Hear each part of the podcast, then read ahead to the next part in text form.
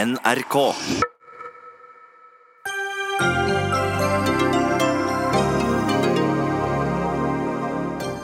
Klimademonstrasjoner i 150 land i dag. Det begynte i Australia og topper seg i New York. Verdens største havvindpark skal bygges av Equinor. 4,5 millioner briter får fornybar energi fra Doggerbank. Et veiskille i selskapets historie, sier direktør. Monstermastprotester i Bærum og Oslo vest. Folkeaksjonen vil ikke ha dobbelt så høye strømmaster. Det blir for dyrt å legge kabel, mener Statnett. Og flere redningsbåter lokker flere folk over Middelhavet, mener Frp. Det er feil, sier forsker. Debatt i Dagsnytt 18.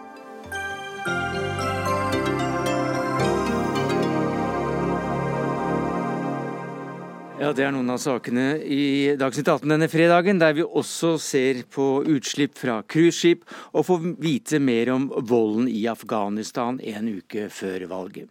Men vi begynner med dagens gigantdemonstrasjon for bedre klimapolitikk. Millioner har eh, samlet seg i gater og torg over store deler av kloden.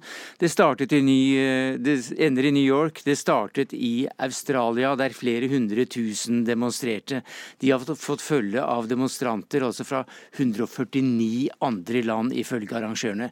Så hva slags dag er dette, Agnes Legrei? Du er klimaaktivist, og du er leder av Barnas klimapanel. Ja, Det er en veldig stor dag, fordi det er starten på en uke hvor det skal være veldig mange klimaarrangementer. Så som du sa, så har det vært veldig mange streiker. og annet her i Oslo så var det omtrent 1000 stykker som streiket for klima. Både barn og voksne.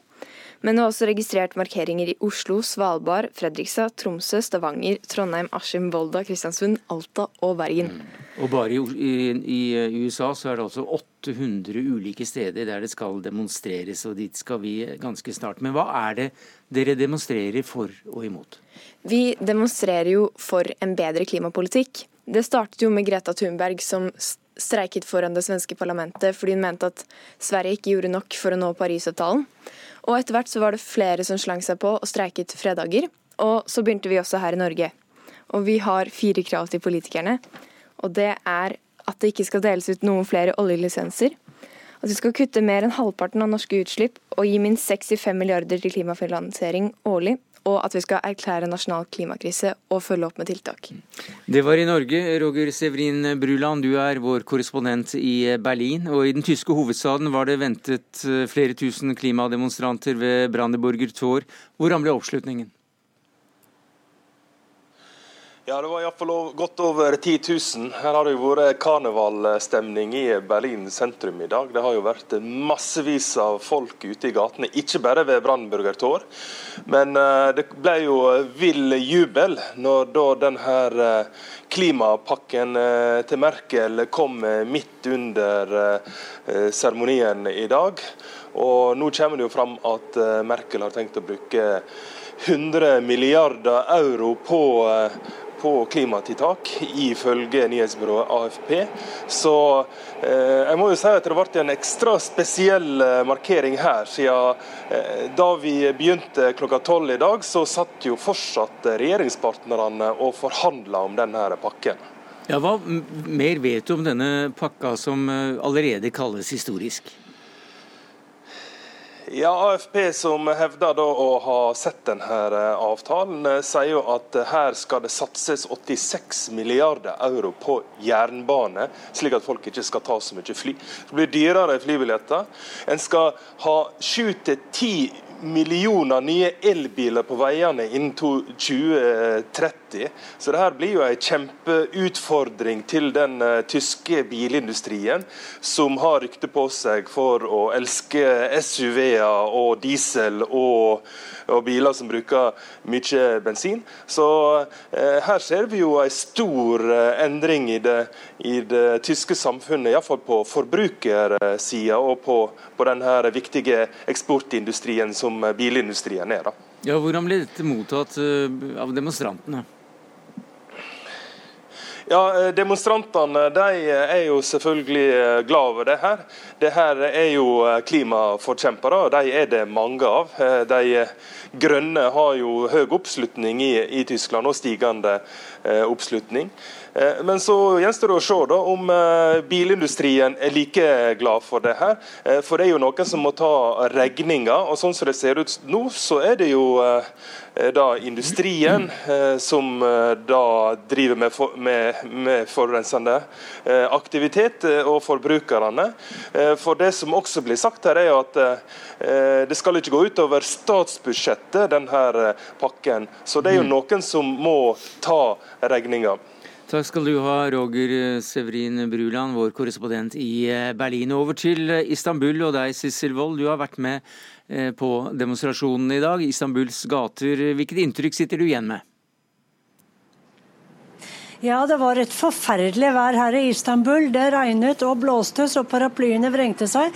Men det var mange ungdommer, skoleelever og aktivister og foreldre og lærere som møtte opp. Det var nok kanskje 400-500-600 som gikk i gatene med plakater. Eh, de ropte slagord som at eh, sol og vind, det er nok for oss for å skaffe energi. Eh, og det de er imot, er å drive med eh, kullkraft og drive med gruvedrift. De er veldig opptatt av å verne om skogområdene, de grønne områdene her i Istanbul. Men det har også vært eh, markeringer i ti andre byer i Tyrkia. Men miljøsaken er ikke veldig veldig stor her i Tyrkia. Det er jo ingen som snakker om at man skal fly mindre. Det er ingen, knapt noen elbiler å se. Man snakker ikke om at man skal kjøre mindre. Det mest synlige er at man nå må betale for plastikkposene når man handler i butikkene. Så mange har begynt å ta med sine egne poser i butikkene. Det er det mest synlige. Men jeg har snakket med Tyrkias Greta Thunberg i dag, hun heter Selin. Og hun har organisert eh, mange skoler, mange skoleklasser. Så det er ting på gang også her i Tyrkia. Takk skal du ha, Sissel Wold i Istanbul. Eh, Anders Magnus, eh, du er i Washington. USA har som sagt planlagt over 800 arrangementer i dag. Hvordan er oppslutningen så langt? Her i Washington hvor jeg står nå, foran Kongressen på Capitol Hill, så har det kommet flere tusen eh, demonstranter. og Det har jo økt på siden i dag morges. Men det er nok mindre enn eh, kanskje mange hadde håpt.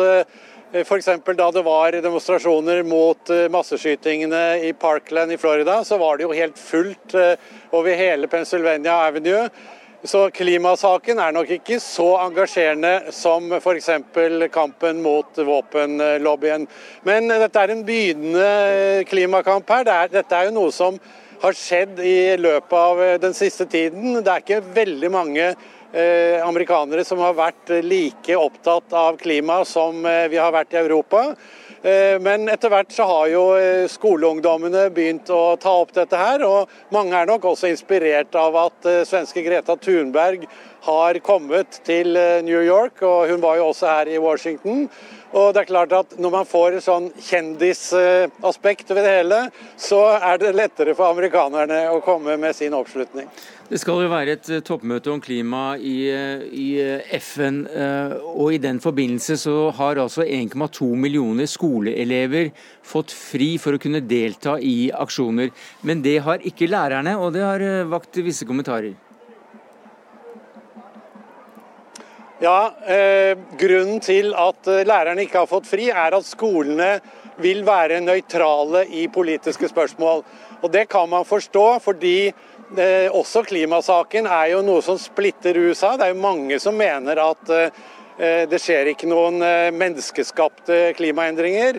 Blant dem er nok også president Donald Trump og mange republikanere. Så skolemyndighetene ønsker ikke å provosere fram en eh, politisk konflikt om dette. Men samtidig så er det jo mange i New York som er skuffet over dette. Dette er jo en veldig liberal by hvor det er mange demokrater og mange som tror at klimaendringer er menneskeskapte.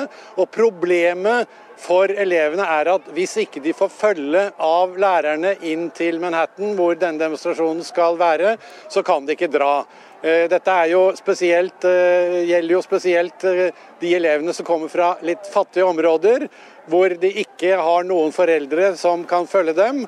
Begge foreldrene er kanskje på jobb, og, og mange mener at dette dermed får en slags diskriminerende effekt mot de fattigste elevene. Uh, Legreid, du skulle ha demonstrert i dag, men uh, det har du ikke gjort? Ja, nei, jeg hadde en nasjonal prøve i regning som ja. jeg kanskje helst burde ha tatt. Så jeg var på skolen. Men neste uke skal jeg streike. Uh, for du har brukt opp nok dager på, på klima? Jeg går jo på ungdomsskolen, så fravær mm. har ingen reell konsekvens for meg. Mm, så jeg kan ta så mange dager fravær jeg vil, men jeg burde tenke litt på skole også. Ja. Og uh, når du hører at eh, det er 1,2 millioner skoleelever som har fått fri i New York for å kunne være med på aksjoner, eh, hva sier du til det? Det syns jeg er veldig bra. Fordi det viser jo at skolene tror på dette og liker aksjonen vår, da. Det er altså da eh, demonstrasjoner og aksjoner over store deler av verden, 150 land. Og hva sier du til det klimaengasjementet fra særlig unge mennesker fra Australia til New York? Bjørn Otto Sverdrup, du er bærekraftsdirektør i Equinor. Det syns jeg er veldig bra. Og jeg skjønner veldig godt det, at folk eh, streiker. Og at de er urolige og utålmodige på å se handling når vi ser hva global oppvarming innebærer og skjønner at veldig mange er opptatt av å se hvordan kan vi gjøre dypere kutt og raskere kutt.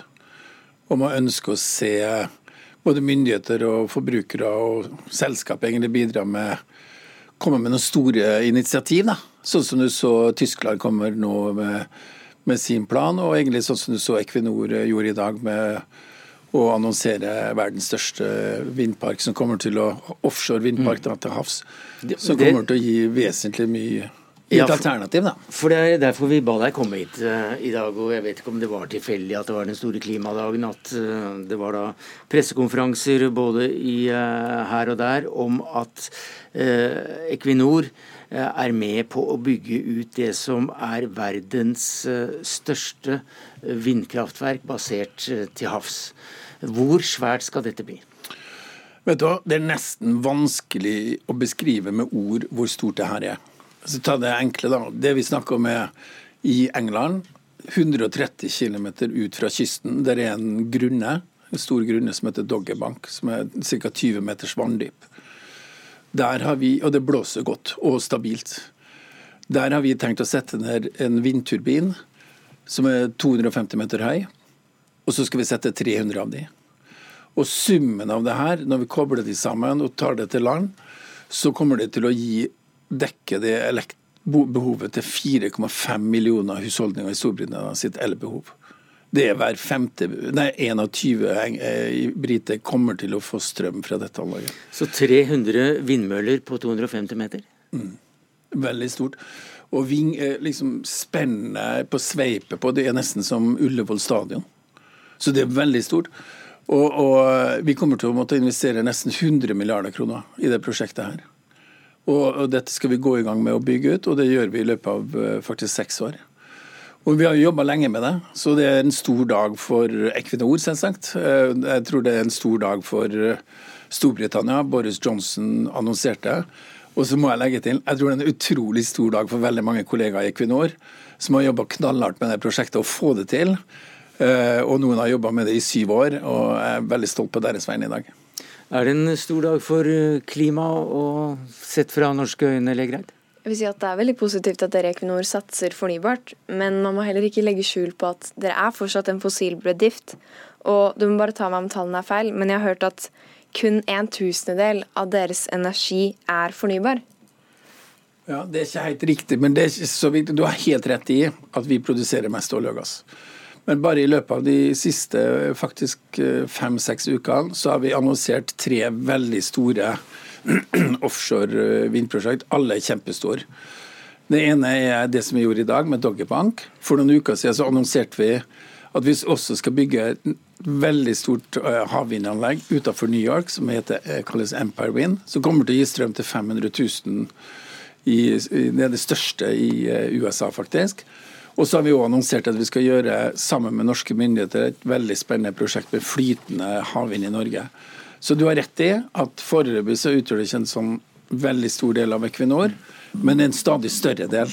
Og for i dag, for oss så var det et veldig viktig gjennombrudd på at det viser akkurat hvor vi er på vei, og vi kommer til å se mye mer av dette for Equinor framover. Dere la jo også fram i vår en klimarapport hvor dere har laget tre mulige framtidsscenarioer på hvordan verden vil se ut. Og den mest ambisiøse, det mest grønne av disse fremtidsscenarioene, så sier dere at oppslutningen for oljeforskning vil være 52 millioner fat.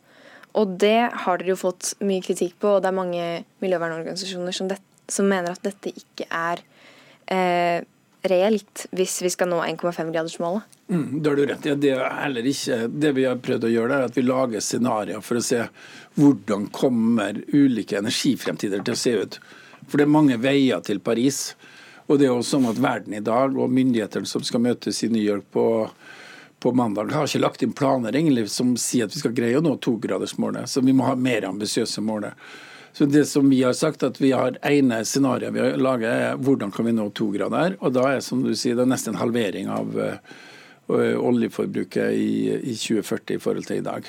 Men vi vet jo at det ikke er nok å nå togradersmålet. Vi må ha 1,5. Det viser rapporter fra FNs klimapanel. Ja, og Det sier jo Parisavtalen veldig tydelig. Så vi jobber med å se hvordan kan vi kutte utslippene fra den delen av virksomheten vår, og samtidig skynde oss til å vokse frem og lage nye fornybarprosjekt.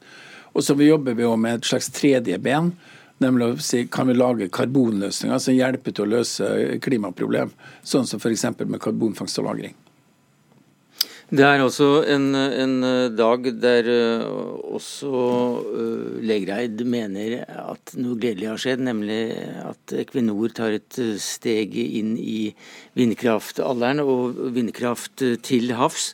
Men uh, er det penger i dette her, da? Ja, det her skal, er lønnsomt. Vi har jo en del vindparker fra før. De tjener vi gode penger på. Og jeg tror at disse prosjektene her kan nesten sammenlignes med den hvis du går noen år tilbake i tid, så si hvor mye lærte ikke Equinor av å bygge ut Statfjord, Oseberg og Troll? Nå har vi fått noen veldig store prosjekt, blant de største i verden. Nå skal vi jobbe med de, lære skikkelig hvordan vi bygger ut fornybar. Og kommer til å demonstrere at dette blir veldig lønnsomme prosjekt. som kan gi være god for klimaet, men også god for businessen til Equinor. Men uh, fortell om, om, om, eh, forutsigbarheten eller lønnsomheten. Også. Det er ikke mange dager siden vi hadde en fra selskapet ditt som satt her og, og sa at per i dag så er det ikke lønnsomt å, å, bygge ut denne type virksomheter til havs? Jeg tror ikke jeg sa det, fordi i, i, uh, det er litt ulikt i ulike geografier. Da. Så det kommer litt an på hvor mye er folk villige til å betale for strømmen. I Norge f.eks. har vi jo lav strømpris sammenlignet med andre land. Og Derfor så ser du at det er enklere egentlig å finne lønnsomme prosjekt i Storbritannia f.eks. Og Doggerbank er spesielt godt egnet? Ja, det er veldig godt egnet, for det er en veldig god og stabil vind. Og så er grunt vann, som gjør at du kan ta den teknologien som vi kjenner, og bygge det ut. I Norge har vi en litt annen utfordring. Her er jo en fantastisk vindressurs, men vi har litt dypere vann. Så Derfor er vi veldig entusiastiske og se kan vi greie å finne flytende havvind i Norge. Mm. Men dette blir altså nå av? Dette er prosessert prosjessert og, og regnet på, og det skal gå i gang når? Altså, Vi har jobba med det i lang tid. I det som er nyheten i dag, er at vi vant kontrakten med britiske mm. myndigheter. Og så tipper jeg at vi tar en endelig investeringsbeslutning i 2020. Så det er ikke helt sikkert? Jeg tror du kan påregne at dette kommer til å skje. Og, og, og Det blir spennende, og vi skal få med oss så mange som mulig av norske leverandører til å gjøre dette til en veldig spennende reise. Men uh, i dag er også den store klimadagen, og uh, hva slags utfordringer har du på vegne av, uh, av barn og unge til et selskap som Equinor? Mm, vi vil jo at dere skal Dere bruker jo mye tid kanskje på å dekke over de mindre miljøvennlige tingene dere gjør med andre grønne ting, sånn som dette med havvind. selvfølgelig så gjør dere mye bra, men dere vil jo fortsatt være Statoil, selv om dere har byttet navn på mange områder. Eh, men jeg har troen på at dere vil klare dere inn i framtiden med fornybart. Hvis dere virkelig gjør en stor omstilling ja. nå. Eh, du, du, du, sa til meg da vi snakket sammen at dette, dette kan ses på som et veiskille når det gjelder profilen til, eh, til uh, Equinor. Ja, det er fordi for det første, Vi har jo brukt kanskje ti år nå på å lære å bygge opp liksom gradvis. Og så nå gjør vi et stort sprang. Mm. Og det er klart det er ingen som tester ut noe med å bruke 100 milliarder kroner på det, og investere. Så da viser jo at du både har eh, vilje, tror på egen kompetanse, har vilje til å bruke penger på det, og så greier vi å gjøre det i knallhard konkurranse med andre selskap. Men selv om det da ikke er helt bankers, altså beslutningen er faktisk ikke tatt, investeringsbeslutningen, eh, så skal dere til eh, New York og være med på dette toppmøtet. Hva skal dere gjøre der? Det, det, er veldig spennende at vi blir invitert til. for det, Der har jo eh, FNs generalsekretær invitert statsledere til å komme dit. Og, og Formålet er jo å få land til å bli mer ambisiøse. Vi er invitert for å snakke om viktigheten av en pris på karbon. Vi er invitert for å snakke om hvordan kan vi akselerere arbeidet med vern av tropisk regnskog. Og så er selvsagt å gi en piske også vår egen industri mm. til å kutte mer raskere. Hva tror du kommer til å komme ut, eller hva håper du kan komme ut av dette miljøtoppmøtet i FN i New York til uka, Legreid? Jeg håper jo at vi i klimastreikbevegelsen har påvirket. Fordi vi kommer ikke til å gi oss før vi får de tiltakene som vi trenger for å nå 1,5-gradersmålet. Takk skal eh, dere ha, og lykke til. Takk Dagsnytt 18 alle hverdager kl 18.00 på NRK P2 og NRK2.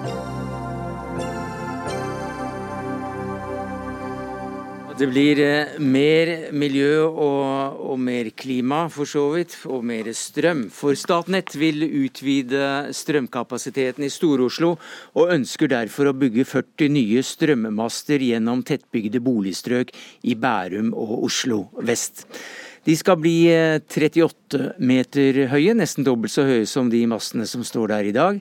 På resten av strekningen gjennom Oslo vil de legge strømkablene i bakken. Denne uka har folkemøtene om prosjektet vært så fulle av skeptiske naboer at det er blitt satt opp ekstramøter. Og Eirik Andreassen, Eirik Andreassen du, du, startet denne Facebook-gruppa Nei til monstermaster i tettbygde strøk. 2500 medlemmer har dere allerede fått. Hva er problemet? Eh, problemet er eh, rett og slett eh, mastenes utforming, størrelse og den påvirkningen de vil ha på bomiljøet som er en stor tilleggsbelastning i forhold til den som er der i dag, med de mastene som er der allerede. Ja, Hvilke konsekvenser er alvorligst? Ja, De alvorligste er jo rett og slett de, de rent, det inntrykket disse mastene gir i et så tett bomiljø. Vi må huske på at denne strekningen som kabler går gjennom, det er kanskje et av de mest tettest befolkede områdene i Norge. Det er 3000 boenheter som ligger langs en drøyt 10 km lang strekning det, det, er faktisk veldig få steder i Norge som er like tett befolket. Så det er klart at det påvirker svært mange. Så dere ønsker kabel? Vi ønsker kabel. Og hvorfor får du ikke kabel, eh, Henrik Glette, du er kommunikasjonsdirektør i Statnett? Nei, altså vi, vi har valgt i denne saken her å søke på to alternativer. Både kabling og Eh, luftledning gjennom det området. Og Det er klart det er krevende å bygge ut i tettbygde strøk, det ser vi. og vi, vi, skjønner jo at naboer engasjerer seg. og Det vi ser nå, det er jo demokrati i praksis. Det er konsesjonsprosessen som går sin gang. Nå er konsesjonssøknadene ute på høring, og NVE skal beslutte. Vi har altså søkt på to alternativer som begge er mulig å bygge, og som begge er mulig å drifte. Og som begge har sine fordeler og sine ulemper. Og Den avveininga om de er samfunnsmessig rasjonelt, slik kravet til våre prosjekter er, den skal NVE nå gjøre i sin behandling. Ja, vi, vi, reagerer jo kanskje litt på den utredningen som har blitt gjort av eh, Statnett i denne saken. For de peker på kvalitative, store fordeler med å legge kabel i bakken, men har ikke verdsatt de. Eh, man påpeker ikke på noen negative konsekvenser av å fornye ledningen med en dobbelt så høyt luftspenn. Som, som det som ligger der i dag.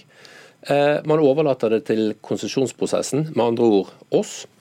Eh, og Vi reagerer på at Statnett nå har brukt eh, fem år på denne utredningen. De gir oss ti uker på å svare og nesten kvantifisere denne forskjellen, som Statnett har hatt så god tid på å gjøre selv. Ja. Det er vel det vi reagerer mest på.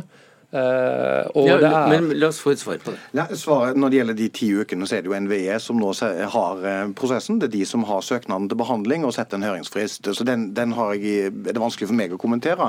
Når det gjelder utredningen, så mener jo vi at den er god. Og vi kommenterer jo, som du sier også, at det har helt åpenbare fordeler for uh, området rundt å, å legge det i kabel. Det er også derfor vi har valgt å søke på den som en sekundær løsning. Men den koster en milliard mer. En milliard som skal betales av strømbrukere forbrukere landet rundt. Og da må vi kunne regne det hjem. som samfunnsmessig rasjonelt, noe NVE skal beslutte. Ja, og, og, Det har dere gitt en indikasjon på. Eh, og Dere har også vist at det er store fordeler med å legge det i kabel. Men har altså valgt å se totalt bort fra det i forbindelse med at anbefalingen gis. Eh, der dere utelukkende har sett på de kortsiktige bedriftsøkonomiske konsekvensene av byggekostnader.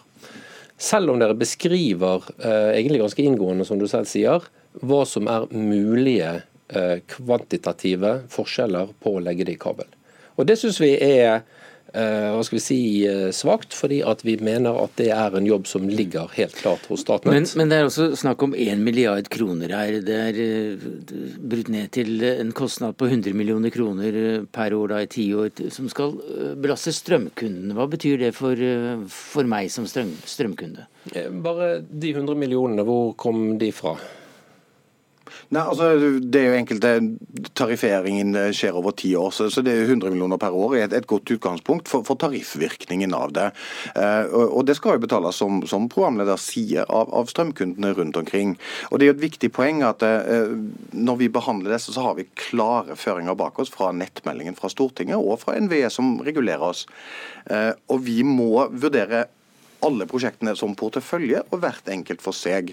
Eh, og, og, og derfor så, og Vi har ikke klart å renne hjem, men, men, søkt på begge, slik at det skal være mulig å behandle det nå. Mm. Jeg bare er litt overrasket over 100 eh, millioner per år. Vi fikk beskjed av NVE i går at eh, måten det tarifferes på, det er over 40 år med 4 rente. Det gir ikke 100 millioner i året. Det gir 45 millioner i året. Som et helt annet tall. Noe som per strømkunde vil si? Eh, altså, Det er jo alltid en masse forutsetninger rundt et sånt regnestykke, men eh, forbrukere i Norge bruker ca. 40 TWh, så hvis de fordeler det bare på konsumenter og ikke på industri, så ender vi opp med ja, mellom 15 og 19 kroner per husstand per år. Tror du ikke at eh, vi hadde vært med på litt kronerulling for Bærum, da? Litt kronerulling for Bærum. Er det mulige strømkuttene med på det? Nå skal ikke vi ta detaljene i regnestykkene, verken mitt eller Andreassen sitt. Poenget her er at vi bygde nå de siste ti årene fram til 2017 for 47 milliarder. Og det er sikkert mange av de prosjektene som kunne vært økt litt. Vi møter ulike interesser overalt der vi bygger, om det er på Finnmarksvidda, om det er i tettbygde strøk. Og vi må avveie. Så der, Derfor så søker vi på her to ulike alternativer, og, og det er en avveining som vi da overlate til konsesjonsmyndighet å foreta. Er den samfunnsmessig rasjonell, eller er den det ikke? Og begge er mulig å bygge. Ja, det virker som om de da er helt åpne for begge forslagene. Er det slik du ser det? Eh, i, altså Vi hører jo at Statnett sier dette, og Statnett sier det også på informasjonsmøtene, at beslutningene på ingen måte er tatt av de selv. Men de har heller ikke gjort noe forsøk på å kvantifisere det, bortsett fra kvalitativt. Bare en sånn kort eksempel på det. Når vi beregner hvor mye verdifall det har vært på boliger som ligger i nær, nærhet til eh, kablet, så regnes det at det har en ca. 3% konsekvens på boligverdi. For de 2700 boligene som ligger der, så utgjør det utrolig nok 980 millioner kroner. Som er ganske nær denne milliarden som de leter etter. Dette er tall som, som Statnett selv opererer med. Så kan du si at de kostnadene er noe som, som, samfunnet ser noe til. Nei, men, men vi, vi, lurer jo på hvorfor det er vi som beboere eh, som skal sette oss inn i dette arbeidet med å kvantifisere de kostnadene. Vi har ingen forutsetninger for å gjøre det. Men dere har jo for så vidt gjort det ved å peke på mellom 15 og 19 kroner året hvis man eh, betaler over var det, var det 40 år. Takk skal du ha, Eirik Andreassen. Du har startet Facebook-gruppa Nei til Monser Master i tettbygde strøk. Og Henrik Glette, kommunikasjonsdirektør i Statnett.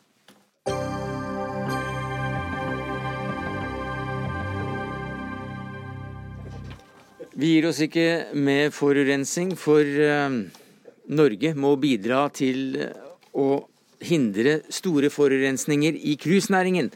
Ja, Det sier eh, Michael Tam til Aftenposten. Han er direktør i Carnival Cruise Lines. Han mener også Norge eh, liker å framstille seg som mer klimabevisste enn landet faktisk er. Eh, Tam holder til i Tyskland, men Sandra Diana Bratland, du er Director Destination Affairs for Carnival Group Norway, som det heter. Og i år så er det anslått å komme tre millioner dagscruiseturister til Norge. Eh, dere står for omtrent 45% av dem. Hva er det Norge burde gjort bedre? 43% av Karnevals totale flåte på 103 skip er allerede klargjort for landstrøm. Eh, Aida, som er det rederiet som besøker Norge hyppigst med over 400 anløp i år, har en prosentandel på landstrøm på 70% Flere av våre skip bygges om de neste årene. Og siden vi har flyttbare installasjoner, så kan vi enkelt flytte de skipene som kan ta landstrøm, til de områdene som faktisk kan tilby landstrøm. Og når skipet er koblet til landstrøm, så kan vi skru av alle motorene når vi ligger til kai. Dette vil eliminere ikke bare luftutslipp, men også motorstøy. I dag er det kun ett anlegg for cruise, et landstrømsanlegg for cruiseskip i Norge. Det befinner seg i Kristiansand og er finansiert av EU og Kristiansand havn. Eh, Bergen kommer med sitt landstrømsanlegg i 2020, og i 2021 så vil det komme landstrømsanlegg for cruiseskip i Ålesund. Men hvordan ser da dette ut med land som eh, vi kan sammenligne oss med, som, eh, som får en tilsvarende mengde med cruiseskip? I dag finnes det bare landstrømsanlegg i Hamburg og i Kristiansand, og resten befinner seg i Nord-Europa. Eh, så for vår del, de skipene som kan koble seg til landstrøm, de seiler stort sett da i eh, eh, Nord-Amerika, men vi ønsker å sende de også hit til Nord-Europa. Så det er i Nord-Amerika at de fleste landstrømsanleggene befinner seg? Det er korrekt. Ja. Hva med annen type forurensning? Jeg ser her at, at det er en, en forskjell på, på, hva norske myndigheter tillater av kloakkutslipp nær kysten, og det som er internasjonale avtaler. Det er helt riktig. I Norge har vi et regelverk per i dag som sier at det er lov å slippe ut eh, ca. 300 meter fra land. Vi som rederi slipper ikke ut noen ting i norske fjorder. Vi forholder oss til internasjonalt regelverk og slipper ikke ut før vi er tolv nautiske mil fra land. Og når vi først slipper ut, så er dette godt renset mm. uh, opptil mange ganger. Altså Det er altså 22 km og ikke 300 meter. Daniel Schildam, du er konsernsjef i Hurtigruten. Eh, er det norske myndigheter som må presse fram utslippsfrie cruise? Debatten her dreier seg jo egentlig ikke om landstrøm, som Carnival eh, ønsker å få det over på. Det dreier seg om hva slags reiseliv vi skal ha i Norge de neste tiårene, de neste hundre årene. Og Vi mener også at myndighetene alltid kan gjøre mer, at man kan stille strengere krav. Eh, vi er enig med cruisegigantene i at landstrømsatsingen har gått for sakte, men det er ikke det som er problemet. Problemet er at cruiseindustrien sjøl har gjort altfor lite på å bli bedre på miljø, og de kan takke seg sjøl for den debatten som har foregått nå de siste årene. Vi hadde nok en sommer med norske fjorder som er fylt av røyk. Trehusbebyggelsen i Stavanger er dekka igjen av store, svære cruiseskip. Og når verdens største og mest forurensende cruiserederi med skip med opptil 6000-7000 gjester om bord, eh, som har hele flåta si på tungolje, går ut og kritiserer norske myndigheter for slappe miljøkrav, så singler det mm. i glasshus. Det er kun et forsøk på å få oppmerksomheten bort fra det som er egentlig på, det problemet her. Da peker du på Carnival Group Norway, ikke sant? Sandra, ja, da, da peker vi på Carnival Group. Hva sier du til det? Eh, jeg er jo selvfølgelig ikke helt enig i den karakteristikken som Daniel Skjeldam kommer her med. Og selvfølgelig er debatten om hvilken turisme vi skal ha i Norge, den skal vi også ta. Eh, vi gjør veldig mye når det gjelder å bli mer miljøvennlige. F.eks. så sjøsatte vi verdens første eh, cruiseskip, 100% drevet på naturgass i 2018. Det er Anida Nova, som også har fått den tyske stats miljøsertifisering Blå engel eh, akkurat nå. Mm, er ikke, det, er ikke, et øyeblikk, Vi må nesten få en kommentar på det, Skjellam. Eh, er ikke det strålende? Jeg syns det er helt fantastisk at Aida eh, og Carnival Group eh, sjøsetter det første LNG-skipet. Problemet er at det er tungolje om bord i det skipet også. Eh, så hvis Carnival virkelig tar miljøengasjementet sitt alvorlig, hvis de tar norske, eh, norske fjorder, norsk natur alvorlig, så stopper de bruk av tungolje. Det kan de gjøre i morgen. Det bør vi også stille krav krav om til cruisegigantene. Men hvis man virkelig tar det alvorlig, så bør Carnival Group stoppe det i morgen. Og Det er jo ikke bare vi som sier det i Norge, det er jo tatt til orde for det blant amerikanske miljøorganisasjoner. Eh, og det er tatt til orde for det rundt omkring i verden. Bratland. Ja, vi følger eh, internasjonalt, nasjonalt og lokalt regelverk der det er. Men i tillegg så går vi også lenger. Aida f.eks. som en av største ene rederiet som seiler i Norge, de seiler kun på eh, marine gas oil når de er i Norge, bl.a. I tillegg så har vi jo inngått avtale med bergensbaserte Corvus om at vi skal teste ut batteridrift om bord på Aida Perla neste år.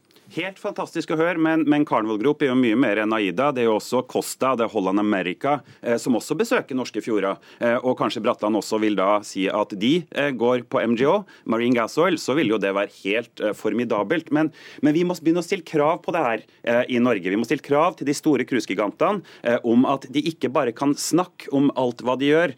noen vil kalle det grønnvasking, men faktisk ta action. Og hvis Carnival igjen mener her alvorlig, så bytter man til mye grønnere renere drivstoff, som riktignok er dyrere på hele flåta si. Det kan de gjøre i morgen, men de velger å ikke gjøre det, for det koster mer. Og det går utover norsk natur. Det går utover det vi skal leve av eh, de neste tiårene, de neste hundre årene i norsk reiseliv. Og det er derfor vi engasjerer oss sånn i det her. Ja, eh, vi ser på eh, alternativt drivstoff når vi går fremover. Alle muligheter er på bordet. Der er både hydrogen, ammoniakk, biodrivstoff. Alt sammen blir vurdert når vi går fremover. Og vi ønsker å gjøre vårt for å bli grønnere. Vi har også et mål om å bli nullutslipp. Eh, men det målet er litt lenger frem i tid. Men det hjelper, så, det hjelper så lite å snakke om hva man skal gjøre fremover, når man har muligheten til å gjøre det i dag. Carnival har verdens største flåte av cruiseskip, 103 cruiseskip. Man ville gjort en, en, en, gjort en kjempemarkering dersom man bytta til miljøvennlig drivstoff i morgen, og ikke bare snakka om å gjøre det. Og, og Carnival er jo til og med eh, dømt for det her, eller i hvert fall eh, tatt opp i amerikansk rett, hvor dommeren sa at obviously they talk the talk, but they don't walk the walk. Og Det er jo det dessverre vi mm. ser her. At man snakker man gjør ikke. Mens man kan virkelig ta det her på alvor og faktisk dra cruisenæringa videre fremover. Og Det er det vi i Hurtigruten har prøvd å gjøre de siste årene. Gjennom alle investeringene vi har gjort på grønn teknologi, gjennom å ikke gå på tungolje, gjennom å være verdens første selskap som forbyr eh, unødvendig engangsplast. Eh, så her snakker vi om å faktisk ta action, og ikke bare prate om det. Ja, Det virker som om uh, debattantene i Oslo mener at debattanten i, i Bergen har det mest i, i munnen? Ja, Jeg er jo selvfølgelig ikke enig i det, men det som man sier, vi har store skip. Vi har 103 skip. Ting tar litt tid. Vi samarbeider bl.a. med NC Maritime Cleantech uh, om utslippsfrie løsninger bl.a. for verdensarvfjordene. Nå har jo Sjøfartsdirektoratet også uh, implementert nye restriksjoner i verdensarvfjordene, og vil gjøre det fremover til og med 2025. Dette er selvfølgelig krav som vi følger.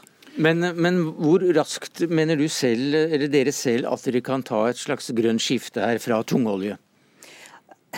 Hvis vi snakker om at vi skal bli helt utslippsfri, så vil nok dette ta i hvert fall en 10-15 eh, år. Nøyaktig eh, årstall på når vi skifter over til mer miljøvennlig drivstoff for alle våre skip, det kan jeg ikke gi. Takk skal du ha, Sandra Diana Bratland, Director Destination Affairs Carnival Group Norway, og til Daniel Skjeldam, konsernsjef i Hurtigruten.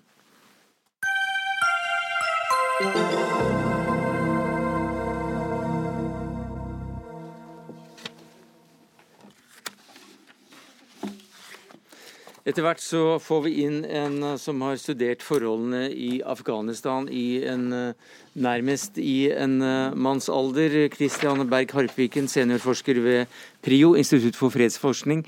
I april så startet direkte forhandlinger mellom Taliban og USA. Og da var du her den dagen i Dagsnytt 18, og du sa at det var det mest positive som hadde skjedd innen dette feltet siden 2001. Ehm, da USA også med alliertes hjelp gikk til krig mot bl.a. Taliban. Hva sier du i dag? Nei, Jeg sier at eh, de forhandlingene har eh, kullseilt. Jeg vil ikke helt utelukke at de kan starte opp igjen, men for hver dag som går, så ser det mindre sannsynlig ut. Og så um, skal man heller ikke romantisere forhandlingene altfor mye. USA forhandla på mange måter fra en ganske svak posisjon. Det var forhandlinger som handla først og fremst om å sikre orden rundt eh, et amerikansk eh, militært nedtrekk som ville komme uansett. Men eh, de forhandlingene kunne lagt grunnlaget for en afghansk fredsprosess. Den fredsprosessen får vi nå ikke. Nå får vi i stedet antagelig afghanske presidentvalg i slutten av måneden, 28.9. Og alt tyder på at det kan bli en veldig blodig affære. Ja, for uh, Trump ville ikke møte Taliban. Forhandlingene ble også brutt for en drøy uke siden. Uh, volden har igjen eskalert. Rundt 100 er drept bare den, uh, den siste uka. Og så er det også valg om en uke. Hvordan ser du på det? Nei, Jeg tror valget kan bli eh, veldig trøblete. Én ting er selvfølgelig volden. Det er et kjempeproblem i seg sjøl. Det kommer til å gå mange liv. Det er mye som tyder på at Taliban denne gang ikke vil gjøre noe for å skjerme valget. Det har også vært eh, mye, mange liv som har gått tapt under tidligere valg, men faktisk så har nok Taliban i mange områder valgt å skjerme valget i tidligere omganger ut fra en enten en type avtale eller innforståtthet med regjeringen. Det kommer nå ikke til å skje. Og så er jo valginstitusjonene gjennomgående korrupt. Eh, ingen har tro på de. Eh, du vil få omfattende juks, og antagelig så er det ingen som kommer til å ha noe særlig tillit til resultatet. Og Det store spørsmålet da blir jo, med den risikoen det er å stemme, og den manglende tilliten til valget, hvor mange som er villige til i det hele tatt å stille seg i kø med livet som innsats. Men hva slags legitimitet har da et slikt valg? Nei, det har eh, veldig svak legitimitet. Og det har jo gradvis gått nedoverbakke med legitimiteten til de afghanske valgene fra 2004, da det første valget ble holdt, og, og fram til i dag. Men eh, det er helt opplagt at det internasjonale samfunnet, og jeg har vært spesielt USA, på ingen måte ønsket seg dette valget, for de så at det ville bli så vanskelig å gjennomføre på en noenlunde akseptabel måte. Og partene, altså Taliban og um, den uh, afghanske regjeringen, eh, det var de som da skulle komme til Oslo da, og, og ha samtaler, iallfall ha samtaler ledet uh, av Norge på en måte. Hvor langt unna er vi et slikt delmål? Nei, Akkurat nå ser det jo ut som vi er ganske langt unna. og Trump uh, skylder, skylder, på et angrep når han trakk seg fra avtalen. Realiteten er vel egentlig at Trump forsøkte å gjøre et et sjumilshopp. Han eh, ville ta denne signeringsseremonien for avtalen mellom Taliban og USA og gjøre det til et eh, virkelig stort eh, mediejippo i Camp David. Jeg tror ikke han da hadde skjønt hva det var han dreiv med, for de siste ukene så hadde nok forhandlingene mellom Taliban og USA stort sett dreid seg om hvordan man kunne få til en nedtonet signeringsprosess som var akseptabel. En seremoni som var akseptabel for begge parter. Og når Trump da slo på stortromma og i tillegg ville invitere den afghanske presidenten, som Taliban sier inntil vi har en avtale med USA, så betrakter vi den afghanske presidenten som en marionett. Når han i tillegg ville invitere han til Camp David, ja da ble det for mye for Taliban-ledelsen.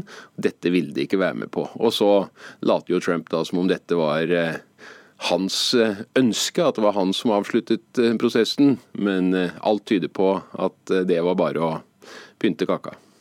Norge har fremdeles eh, en del soldater eh, i Afghanistan, og USA har langt fra trukket seg ut, selv om eh, de har kraftig redusert antall personell der. Hvordan ser situasjonen ut på bakken i dette landet? Nei, Situasjonen er jo verre sikkerhetsmessig enn den har vært på noe tidspunkt siden Sovjetunionen sto der på 1980-tallet. I 2018 så var dette uten sammenligning den konflikten i verden der flest folk ble drept. Alt tyder på at tallene for 2019 er eh, enda verre. Dødsraten i de afghanske sikkerhetsstyrkene er på ca. 2% Det vil altså si at 1 av 50 i sikkerhetsstyrkene mister livet i løpet av et kalenderår. Det er høy yrkesrisiko, for å si det veldig uh, forsiktig. Og det går også hardt utover de sivile. Og det er dessverre ikke bare Taliban som rammer sivile. Det gjør også de internasjonale styrkene og de afghanske regjeringsstyrkene. Nå, de siste tallene fra FN, så er det faktisk sånn at regjeringsstyrkene og de internasjonale støttespillerne til sammen får ansvaret for flere sivile tap enn Taliban. Mm. Om en uke er det altså valg. Hvem vinner? Nei, De fleste tror nok at det er den sittende presidenten Ashraf Ghani som vinner. Ikke nødvendigvis fordi han er så superpopulær i alle deler av landet, men det er bare to reelle kandidater. Det er han og den sittende statsministeren, eller eh, CEO-en som det kalles, med en liten kreativ eh, twist på Grunnloven som ble gjort i 2014. Da man ikke klarte å avgjøre valget, så skapte man en sånn post. Disse to konkurrerer. Det er bare de to som er reelle kandidater. men Ghani er nok den som har mest kontroll på maktapparatet, og som dermed er i stand til å flytte brikkene i riktig retning, sånn at resultatet også går i hans favør. Men sikker, det kan ingen være. Takk skal du ha, Christian Berg Harpviken, forsker ved PRIO. Hør Dagsnytt 18 når du vil. Radio NRK Radio.nrk.no.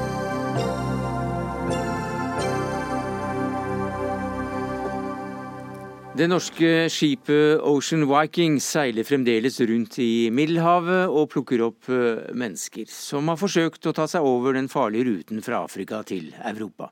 De siste tre dagene har de plukket opp 218 mennesker, blant dem 36 mennesker i går kveld fra en overfylt trebolt. Og dere er ikke så veldig begeistret for slike redningsskip som Ocean Viking, eh, Jon Helgheim. Du er stortingsrepresentant og innvandringspolitisk talsperson for Frp. Hvorfor ikke? Jeg skulle for så vidt støtta redningsaksjonen eh, fullt ut, hvis eh, de hadde satt tilbake de migrantene og flyktningene som plukkes opp, eh, i en trygg afrikansk havn. Fordi da ville man raskt og effektivt fått slutt på reisene, og man ville fått slutt på drukningene. Og det er men, det det handler om. Men slik det er i dag, hvordan ser du, ser du på den situasjonen? Nei, Leger uten grenser de nekter å sette de de plukker opp, tilbake i Afrika. Og det gjør at man opprettholder trafikken. Det er mange faktorer som spiller inn, det er ikke én enkelt faktor.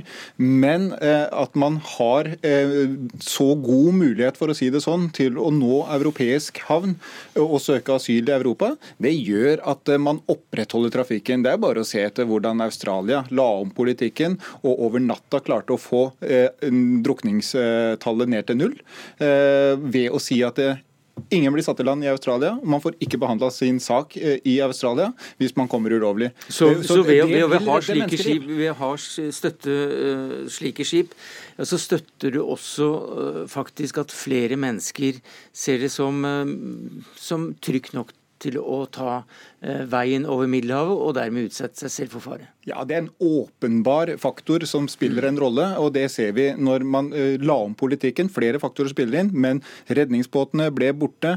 Og man begynte mm. å returnere i stor grad over den farligste ruten. Så stupte jo drukningstallene. Mm. Hva sier du til det, Maria Gabrielsen Jumbert, du er forskningssjef PRIO. Du skriver i en kronikk i Aftenposten at eh, det ikke er slik at dess flere redningsskip, eh, dess flere flyktninger. Ja, det stemmer. Jeg mener at eh, Hvis vi ser på tallene de siste årene, så ser vi både at i de periodene med høy redningskapasitet versus de periodene med lav redningskapasitet, så er det, så er det ingen klar trend på at det er Eh, på at det er færre, eh, nei, på at det er flere som reiser når det er flere redningsskip. Det, det stemmer rett og slett ikke med, med tallene. Eh, og, det, og, denne retorikken brukes for å både legitimere at vi skal forsøke å ikke redde skip ute på havet, og det er en altfor enkel forklaring. Det, det, som er blitt sagt i debatten nå i den senere tid, er at det er redningsskipene som har skapt den situasjonen som gjør at folk velger å reise over Middelhavet.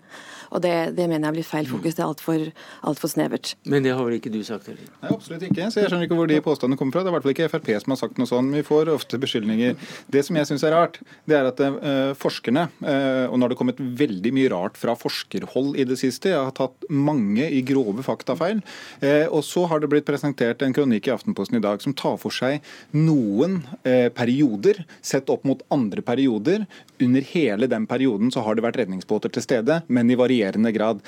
Og Vi har aldri sagt at det har så mye å si.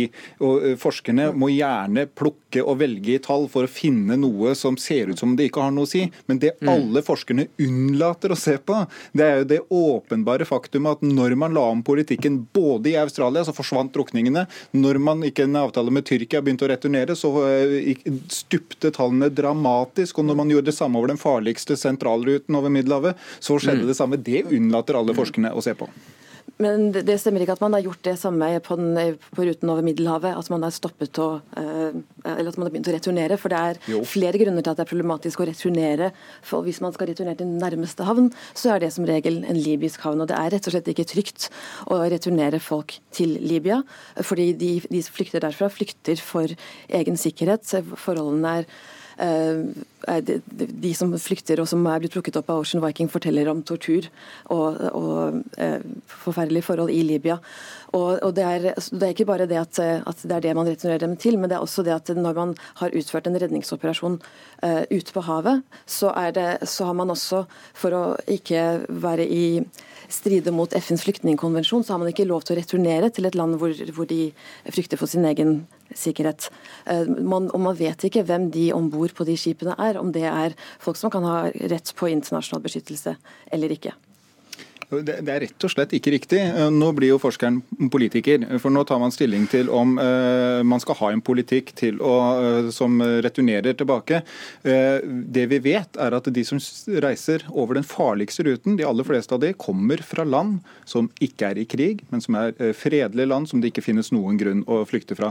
Den største gruppen er unge menn fra Tunisia. Tunisia er et fredelig land som det ikke finnes noen grunn i verden til å flykte fra. Så det er ikke riktig at man ikke kan returnere de tilbake, og de kan fint returnere helt frivillig tilbake til sitt hjemland. Men jeg forstår, men jeg forstår at forskerne her sa at du kan ikke vite om det er personer blant uh, disse som er i båten som faktisk har et uh, legitimt uh, behov for en flyktningstatus. Nei, men der må vi endre politikken og gjøre sånn som Australia har sagt, for å spare menneskeliv, for å ikke bidra til å opprettholde den farlige trafikken over Middelhavet, så må vi returnere alle. Så får hele UNHCR, altså FNs Eh, flyktning, eller høykommissær for flyktninger får gjøre et arbeid for å plukke ut hvem som er reelle flyktninger. Sånn at vi ikke opprettholder trafikken og opprettholder dødstallene over eh, Middelhavet. og Det må da være viktigere. Vi kan være enige at er ønske, at det er ønskelig å få en slutt på det at folk flykter over Middelhavet og tar den farefylte veien over. Det er vi helt enig i. Men fokuset blir feil ved å si at det er redningsskipene man må få slutt på for å få slutt på den veien. For det er ikke de som er grunnen til at folk velger å ta den ruten. Det er ett valg blant mange andre dårlige valg for å flykte fra, fra Libya. Og det stemmer at det er ikke alle som har rett på internasjonal beskyttelse. Det stemmer. Men igjen, den vurderingen kan ikke tas ute på havet. Og det er heller ikke Tunisia eller Libya sitt eh, ansvar å passe på hvem som skal komme inn til Europa. Det er Europa som har ansvar for å overvåke våre grenser. Det, vi, det EU prøver å gjøre, er å overlate det ansvaret til Libya ved å eh, gi midler til den libyske kystvakten for å bygge opp deres kapasitet. Så, så de gjør på en måte jobben for EU ved å, ved å eh, ja, passe på hvem som reiser ut fra Libya. Ja, men det, er, men det, er, faktisk helt feil at man ikke kan gjøre noe vurdering. Eller eh, man skal ikke gjøre noe vurdering. Eh, når man redder eh, mennesker på sjøen, noe man har pliktet til å gjøre, noe jeg støtter at man skal gjøre, så skal man returnere og sette de i havn på i nærmeste trygge havn, uten å ta stilling til om de har noe beskyttelsesbehov eller ikke. Nærmeste trygge havn for Ocean Viking, det er en afrikansk havn. Men likevel så seiler de til eh, Europa fordi jeg mener de har et eh, politisk motiv for å seile de til Europa. Nærmeste trygge havn er i Afrika. og Når de da likevel velger å seile til Europa, så opprettholder de trafikken. Mm. De sørger for at flere kommer til å reise, og flere kommer mm. til å drukne. Men det er flere faktorer som spiller inn. Det, det, det stemmer ikke at det, at det, som regel er en, en afrikansk havn som er nærmeste trygge havn. Det er, det er som regel eh, Det spørs på hvor de redningsaksjonene utføres. Du nevnte Ocean Viking, og der ja, har vi fulgt det ganske tett. Ja, vi, men vi, vi kan, vi, det, som er mitt fokus i, i denne diskusjonen, er at eh, redningsoperasjoner på havet er én ting, da skal man ta tilbake til en trygg havn. Eh, og Så lenge dette er i regi av europeiske båter, så bør det også eh, den vurderingen gjøres av europeiske myndigheter når de båtene tas tilbake til Europa. Vi kan være helt enig at det er det forskjellige behov de, eh, blant de som er blitt reddet, men redningsoperasjonen må opprettholdes. Også slik forholdene er i Libya nå, med mange som flykter for egen sikkerhet derfra. Ja, men... Eh du ser jo helt bort ifra det uh, faktum som jeg nevnte, at de aller fleste som reiser, de kommer fra land som det ikke er noe grunn til å flykte fra. På den farligste ruten, ser vi på den østlige ruten, så er det flere afghanere og sånn, men uh, heller ikke det sier at det er flest som har grunnlag til, uh, å flykte. Og Da må vi faktisk gjøre noe, vi må legge om politikken. Og Da syns jeg det hadde vært mer ryddig av forskere å se på en helhet, prøve å ikke jukse med tall. Jeg skal ikke si at du har gjort det, men veldig mange andre har gjort det. og innse det at den store nedgangen i dødstall i Middelhavet, den har kommet etter politikkendring. Eh, og Det er rart, syns jeg, at forskerne ikke ser på den store nedgangen som har skjedd etter at redningsbåtene ble borte. Det har vært en kraftig nedgang i, i fjor og året før i antall som forsøkte å krysse eh, Middelhavet. Det stemmer. Men eh, jeg, proporsjonen av andelen som drukner når det er færre redningsskip, den er høyere når det har vært mindre redningskapasitet. Marginalt høyere. Og det er eh, det, det, jeg tenker at Middelhavet Det vil alltid være umulig å kontrollere Middelhavet og, og hindre fullstendig at noen reiser over. Og det er uansett en plikt å utføre søk- og redningsoperasjon når man kommer over et skip i havsnød. Og derfor er det også Uh, mer hensiktsmessig at, de, at det finnes skip der ute som kan redde de som, som men, har men, Takk skal du ha, Maria Gabrielsen Jumbert, forskningssjef ved PRIO, og til deg som ønsket ordet igjen, Jon Helgheim, stortingsrepresentant og innvandringspolitisk talsmann for Frp.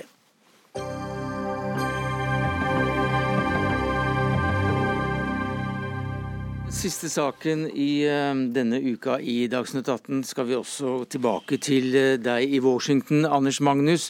For som USA-korrespondent så hørte vi deg i morges legge ut om eh, at Washington Post har meldt at en helt spesielt varslersak som har versert i amerikanske medier, gjelder president Donald Trump. Og det er uh, Joe Bidens sønn som er involvert, og det skal være snakk om Ukrainas president som skal ha lovet et eller annet. Hva i all verden er det som skjer? Det som skjer i denne saken, er at det har kommet et varsel fra en ansatt i en etterretningstjeneste til generalinspektøren for etterretningstjenestene. Han er en uavhengig person i forhold til sjefen for etterretningstjenestene. Eh, dette varselet eh, mente generalinspektøren skulle vært sendt til Kongressen, men det ble stanset av sjefen for eh, alle tjenestene. Det man spekulerer i her i Washington nå, er at dette dreier seg om en sak hvor eh, president Donald Trump har eh, ringt til en, eh, et annet lands statsoverhode. I dette tilfellet sannsynligvis dreier det seg om Ukraina. Og spekulasjonene går i at Trump skal ha holdt tilbake 250 millioner kroner i støtte til de militære i Ukraina, som jo er i krig med Russland på, på østfronten. Eh, at eh, man ønsket ikke å gi fra seg disse pengene før ukrainske myndigheter begynte å etterforske et firma som sønnen til Joe Biden eh, var ansatt i tidligere. Og Joe Biden er jo kanskje den største utfordreren til Trump blant de demokratiske presidentkandidatene. Så her i Washington blir det da sett på som et forsøk på å påvirke valget ved å eh, bruke amerikanske skattebetaleres penger til, eh, som et pressmiddel. Vi vet ennå ikke om dette er riktig, dette er spekulasjoner, som jeg sa. Og det er ennå ikke bekreftet eh, at det dreier seg om Ukraina, men det er en spekulasjon som mange deler nå. Og også i Kongressen så er det underveis en etterforskning rundt dette. Fordi vi vet som et faktum at Trump har ringt flere ganger til Ukrainas president. Vi vet at han nølte lenge med å frigi de pengene som skulle til Ukraina. Det var først etter press fra Kongressen at han gjorde det. Dette vet vi også. Så eh, dette er klart at denne saken kommer til å rulle videre. Men den skader ikke bare Trump, den skader også Joe Biden. Fordi eh, Joe Bidens sønn skal ha vært direktør i et selskap som ble etterforsket for korrupsjon av daværende riksadvokat i eh, Ukraina. Joe Biden brukte eh, et løfte om 1 milliard dollar i eh, lån til Ukraina som pressmiddel for å eh, få pres daværende president til å kvitte seg med denne riksadvokaten. Det skjedde. så på republikansk side så mener mange at det er det som er korrupsjonsskandalen her. Ikke eh, det eh, har Trump nødvendigvis har gjort. Vi har bare 30 sekunder igjen, Anders Magnus. Men har Trump kommentert dette? Ja, han har sagt at han har ikke gjort noe galt. Han vet at det er veldig mange som lytter på hans eh, telefonsamtaler, også etterretningstjenestene. Så det ville vært veldig dumt av han å eh, gjøre mm. noe slikt. Og han sier han har alltid opptrådt Eh, slik man skal mm. gjøre, tilbørlig og også alltid mm. i USAs interesser. Takk skal du ha, Anders Magnus i Washington. Det var det vi rakk i Dagsnytt 18 denne uka. Ansvarlig for det hele har vært Anne Katrine Føhli i dag. Det tekniske ansvaret hadde Lisbeth Sellreite. Jeg heter Sverre Tom Radøy. Vi ses og høres mandag.